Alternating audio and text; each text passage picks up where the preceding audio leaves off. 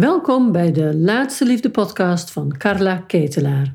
In iedere aflevering geef ik je mijn inzichten en adviezen over waarom het tot nu toe niet gelukt is en wat er nog nodig is, zodat jij ook jouw eindman of eindvrouw in je armen kunt sluiten voor die relatie die je zo graag wilt. Hallo, ik mag vandaag Desiree interviewen. Desiree Tonino, ik mag jou uh, een aantal vragen stellen over jou, nou ja, over hoe jij uh, met jouw eindman in contact bent gekomen en nou ja, hoe het nu met je is. Ja. Wij kennen elkaar nu ongeveer iets meer dan een jaar. Mm -hmm. En kun jij mij eens vertellen uh, hoe jouw leven er anderhalf jaar geleden uitzag? Ik kan er iets over zeggen. Ja, ik was toen een jaar of drie aan het daten met Vlagen. En uh, nou, het was uiteraard niet gelukt. Anders was ik uh, niet bij Carla terechtgekomen. Maar um, ik zat echt op een doodpunt. Uh, het wilde maar niet lukken. En ik dacht, wat wil ik nu eigenlijk? Ik heb een echt een bewust moment genomen. wat ga ik doen? Blijf ik single of ga ik er echt werk van maken om mijn eindman te vinden? En ik heb toen heel bewust ge gekozen om er werk van te maken om iemand te vinden.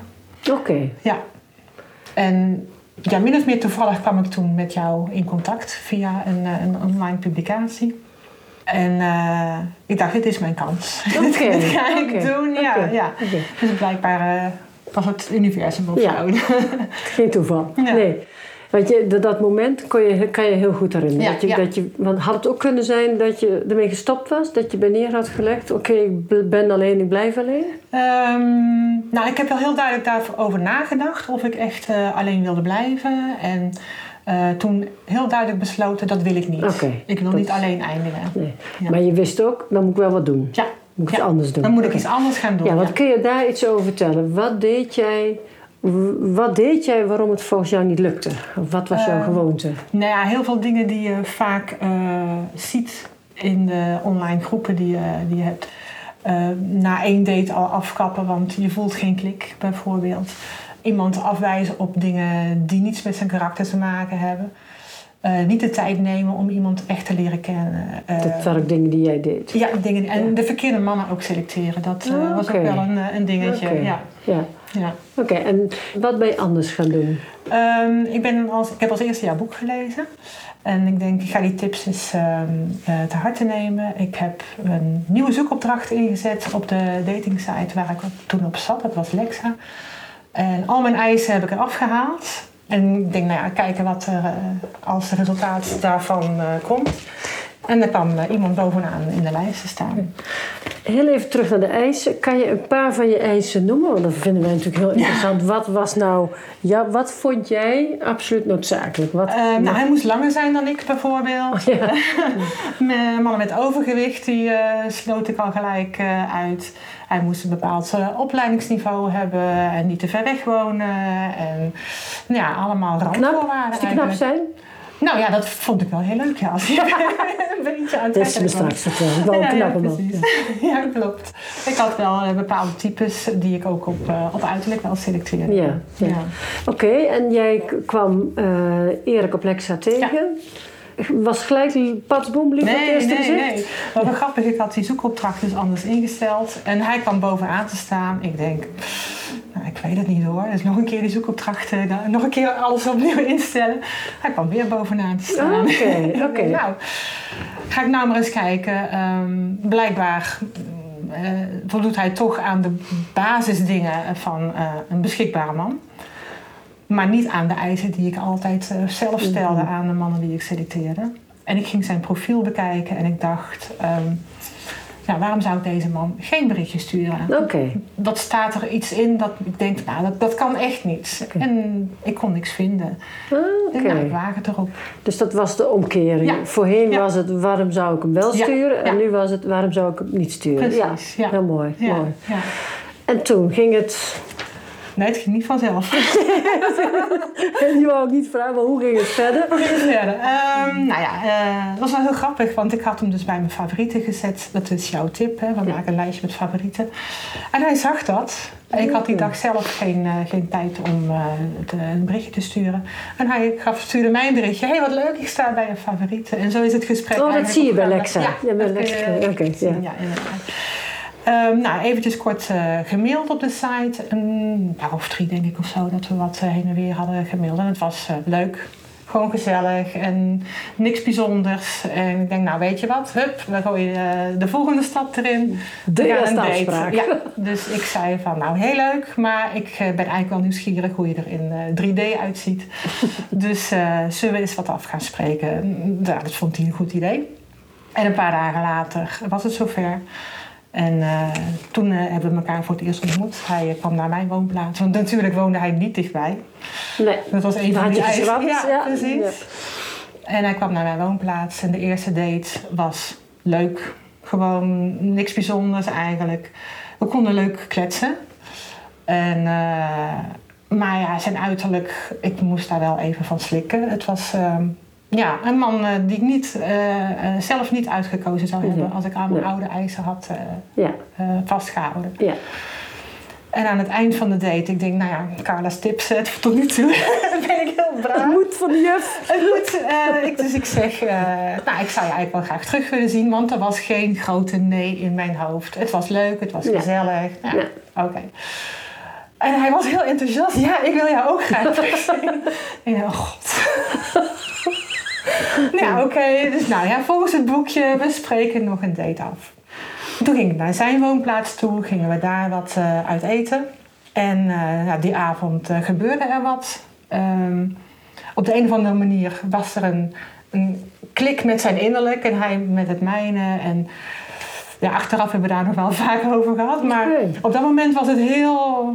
Ja, ik was er echt ondersteboven van. Okay. Deze man die kwam, die kwam gewoon bij me binnen. Ja. Ja. Zou je kunnen zeggen, ik heb het heel vaak over daten met het hoofd. Hè? Dat Ja. we met lijstjes en alles in ons hoofd zitten en dat we zo bij die date zitten.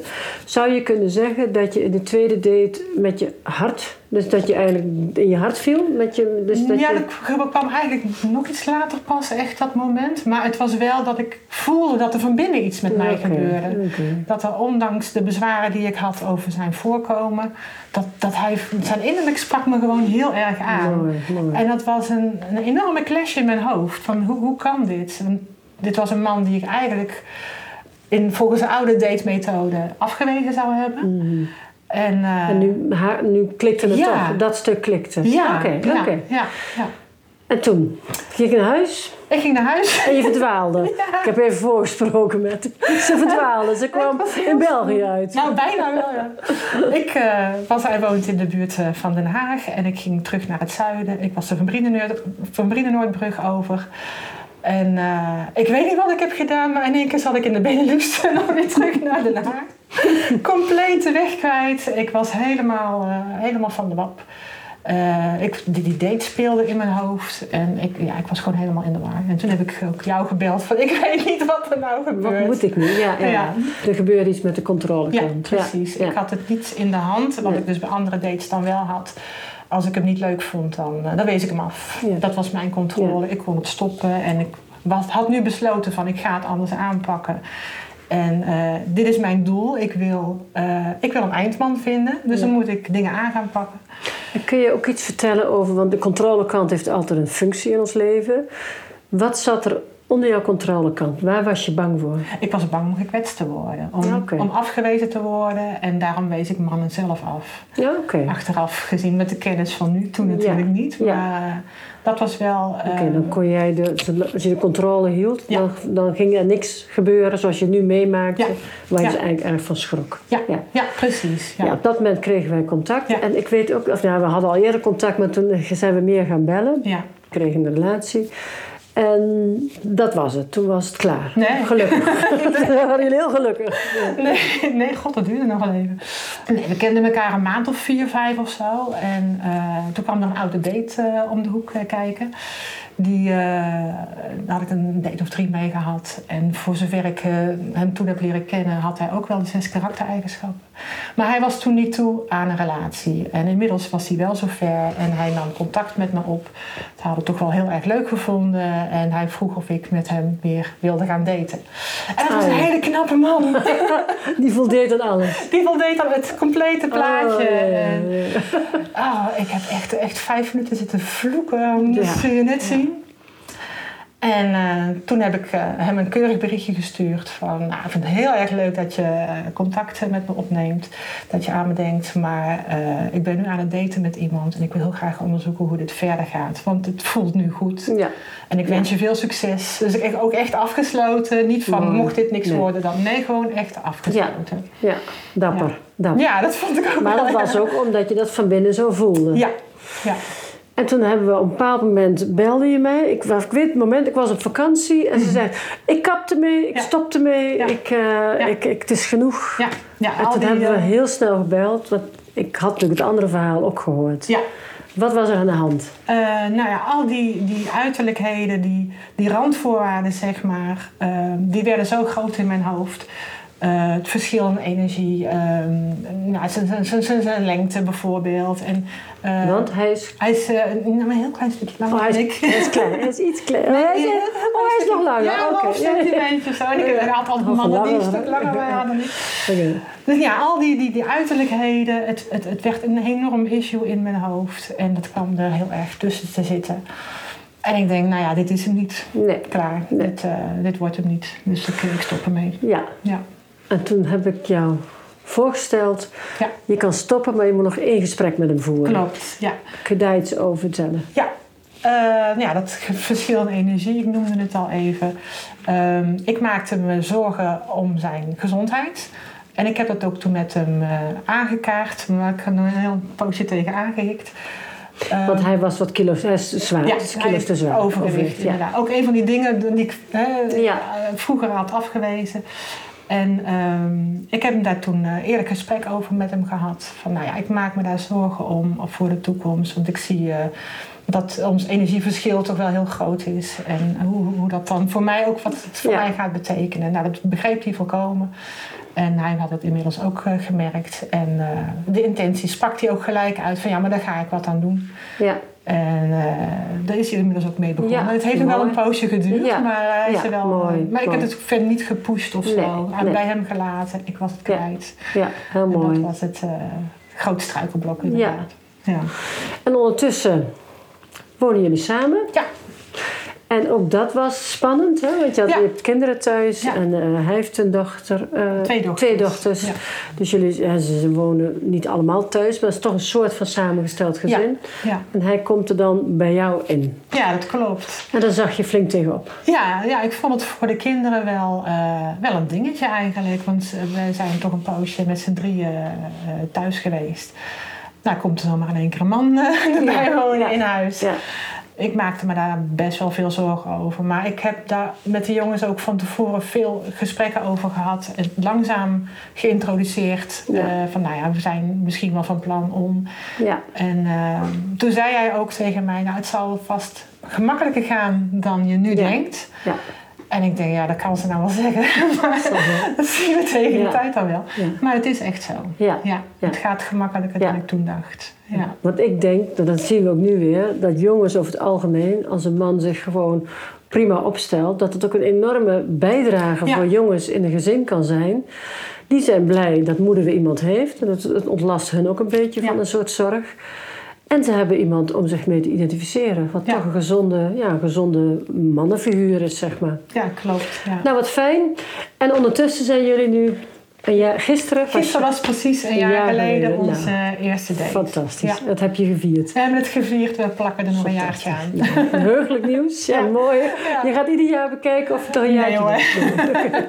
Er is op zich niks mis Nee, mee. precies. Nee. Heb je nog een tip voor de Ja, volgers? Nou, vooral dat je open moet staan, moet kunnen staan, of willen staan eigenlijk, voor eh, jezelf onder de loep nemen. Kijken waar jouw eh, blinde vlekken zitten, waar, wat er nou eigenlijk is, waarom je iemand afwijst en waar het vandaan komt. Eh, dat je bereid bent om te kijken in jouzelf eh, welke muren je hebt opgetrokken. En als je daar eenmaal van bewust bent, dan kun je er namelijk ook wat aan doen. Dus het begint met de bereidheid om jezelf goed te willen bekijken. Mooi, Ja. mooi.